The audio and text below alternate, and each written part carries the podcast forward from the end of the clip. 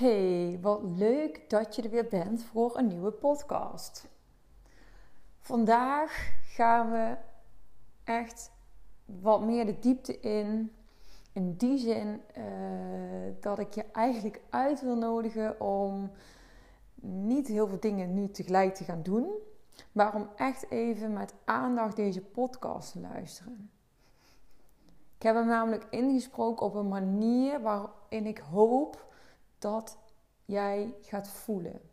Dat je je gedachten gaat overstijgen en verbinding gaat maken met jouw binnenkant. Je kan alleen maar verbinding maken met je binnenkant als je focust en met aandacht iets doet. Dus nogmaals, mijn uitnodiging om met aandacht deze podcast te luisteren, omdat ik weet dat je er dan veel meer waarde uit kan halen. En als je hem hebt geluisterd, zou ik ook super tof vinden als je mij laat weten wat je ervan vond. Um, zodat ik nog beter van betekenis kan zijn voor jullie. Veel luisterplezier. De inspiratie voor deze podcast kwam vanmorgen eigenlijk ook weer bij de inzichtsessie voorbij. En ik voel gewoon dat dit aandacht verdient, dat dit belangrijk is. En het gaat namelijk over hoe jij met zachte ogen naar jezelf kan kijken.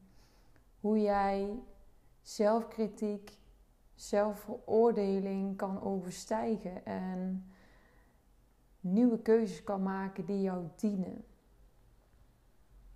Want we herkennen allemaal wel momenten waarin wij onszelf ja, bekritiseren. En ik hoop dat jij na deze podcast weer voelt dat er helemaal niks mis is met jou. Met wie je bent, hoe je doet, hoe je je gedraagt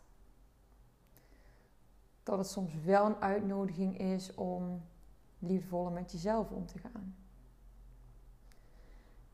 En ik zal jullie ook meenemen in welke impact het verleden heeft op jouw huidige leven.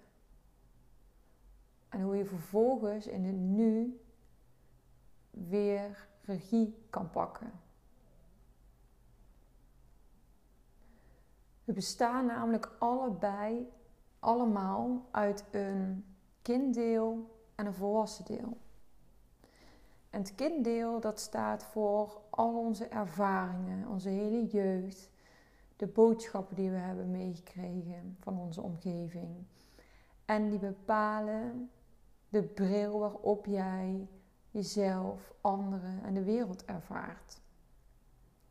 Maar je hebt ook een volwassen deel in je. En dat volwassen deel is het deel in het hier en nu, die zich in balans voelt, die zich ontspannen voelt en die ook de regie kan pakken over het leven. En die twee delen samen ben jij. Vroeger was dat volwassen deel in jou er nog niet. En was jij enkel en alleen kind. Je groeide op en de enige taak die je eigenlijk als kind hebt gehad, is overleven. En om te kunnen overleven heb jij je als kind aangepast. Aangepast aan jouw omgeving. Het is een wetmatigheid dat jij haar fijn aan hebt gevoeld hoe het met jouw ouders ging. En of er misschien delen in hen waren die voor hen eh, ingewikkeld waren om zich toe te verhouden. Dus misschien tot eigen pijn, eigen verdriet, eigen thema's. Misschien vonden je ouders het wel lastig om over emoties te praten of waren er spanningen in relaties. Hadden ze heel veel zorgen over een broer of zus van jou. Um, jij hebt dat gevoeld als kind. En wat je als kind gaat doen, is ten alle tijden zorgen voor je ouders. Uit loyaliteit, maar ook om te overleven. Jij bent namelijk afhankelijk van je ouders. En dat betekent dat jij een verantwoordelijkheid, maar ook een rol op je hebt genomen die eigenlijk niet bij je hoort. Het zijn overlevingsstrategieën geweest. Overlevingsstrategieën die jou hebben geholpen om op dat moment te bewegen in het leven.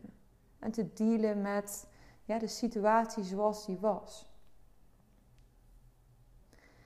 En dat kan zich uiten in ja, dat je misschien wel heel veel bent gaan nadenken over dingen. Dat je je terug bent gaan trekken. Dat je anderen het heel graag naar de zin wil maken. Dat je het zonnetje in huis wil zijn. Dat je anderen niet tot last wil zijn.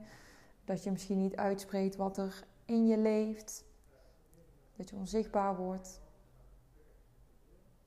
Dat je streng bent voor jezelf omdat je zo graag goed wilt doen voor de ander. En dit zijn allemaal manieren die jou hebben geholpen om staande te blijven. Dus het is niet verkeerd. Het is hetgene wat jou juist heel erg heeft geholpen. Tegelijkertijd zijn het ook manieren die jij hebt gevormd vanuit kinderlijke wijsheid.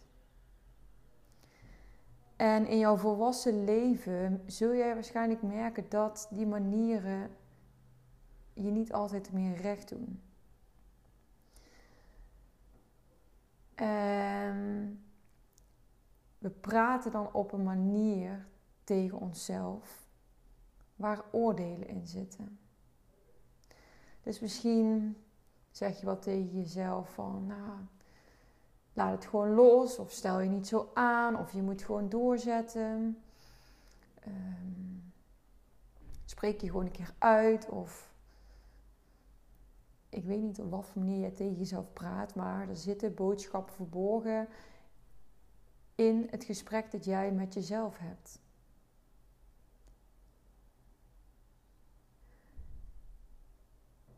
Maar als je eens even intuned op die situatie. Op een situatie waarin jij voelt dat je vastloopt. Dat je last hebt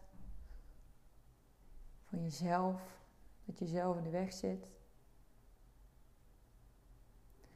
Welke gevoelens roepen die bij je op?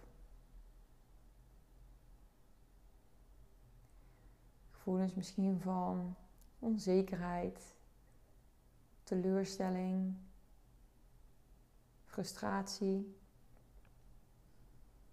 eenzaamheid, leegte.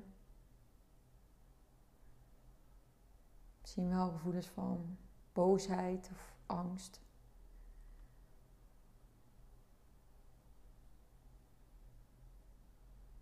En als je je verbindt met die gevoelens. Hoe oud was je toen jij dit voor het eerst hebt gevoeld?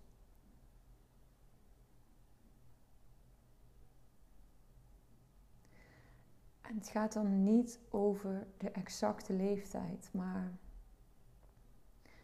over de leeftijd die bij je opkomt.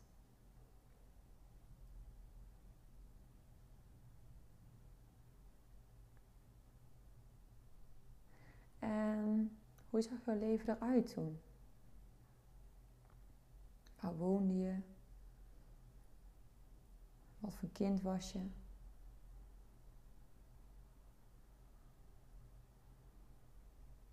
En hoe heeft dat kleine meisje in jou op dat moment een goed en lief kind proberen te zijn?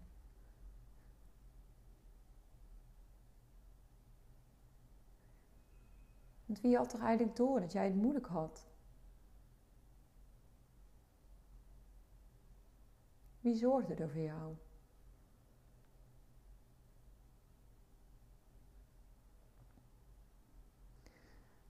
Dat meisje heeft zo haar best gedaan om haar ouders gelukkig te maken. Om gezien te worden.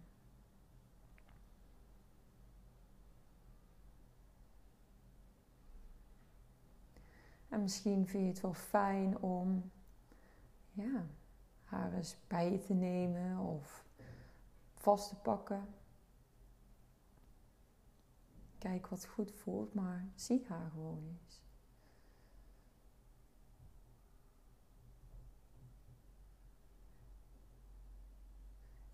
Zij is alleen maar op zoek naar veiligheid.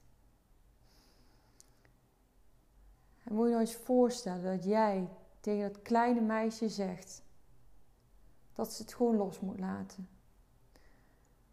Dat ze zich niet zo aan moet trekken. Dat ze het niet kan. Dat het weer niet is gelukt. Wat denk je dat dat met haar doet? Denk je dat dat haar een gevoel van veiligheid geeft? Of denk je dat het haar angstig maakt? Dat ze nog banger is om het niet goed te doen?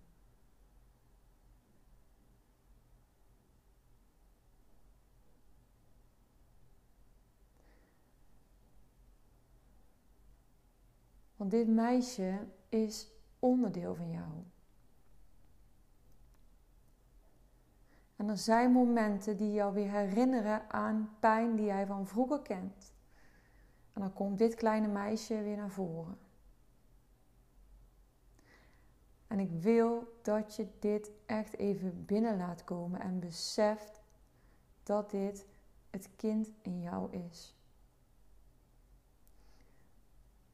Want ik kan me haast niet voorstellen dat jij op eenzelfde veroordelende manier tegen dat kleine meisje praat als dat je nu tegen jezelf praat. Er is helemaal niks mis met dat meisje.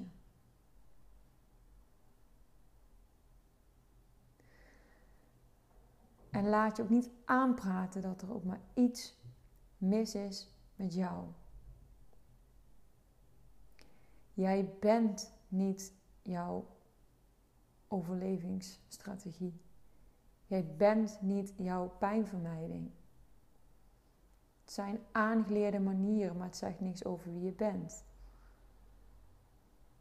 Dus elke keer als jij jezelf toespreekt op een strenge manier, op een veroordelende manier, als andere mensen jou goed bedoelde adviezen geven over hoe je het zou moeten doen,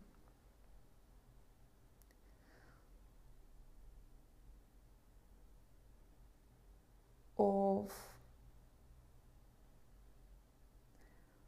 als er ook maar iemand is die jou het gevoel geeft dat je niet goed genoeg bent, zie dan dit kleine meisje voor je. En voel dan dat zij iets anders nodig heeft. Zij heeft geborgenheid nodig. Geen woorden, geen oplossingen, geen goed bedoelde adviezen. Ze wil gewoon gezien worden. Zoals zij in die tijd vroeger gezien had willen worden, maar dat niet heeft gekregen. Jij kan haar alles geven wat zij nodig heeft. En daar, precies daar zit heling. Je bent niet stuk, er is niks mis met jou. Dat kleine meisje vraagt alleen om liefde. Dus ik hoop dat jij dat kleine meisje zo nu en dan eens opzoekt en voor je ziet en elke keer opnieuw beseft wat zij nodig heeft. Want dat helpt jou om weer met zachte ogen naar jezelf te kijken. En dat gun ik je. En nog sterker, dat verdient dat kleine meisje in jou. Die verdient die steun en geborgenheid. Dus geef die haar. Kom los van alle woorden, zinnen, gedachten. En zie dat kleine meisje is voor je.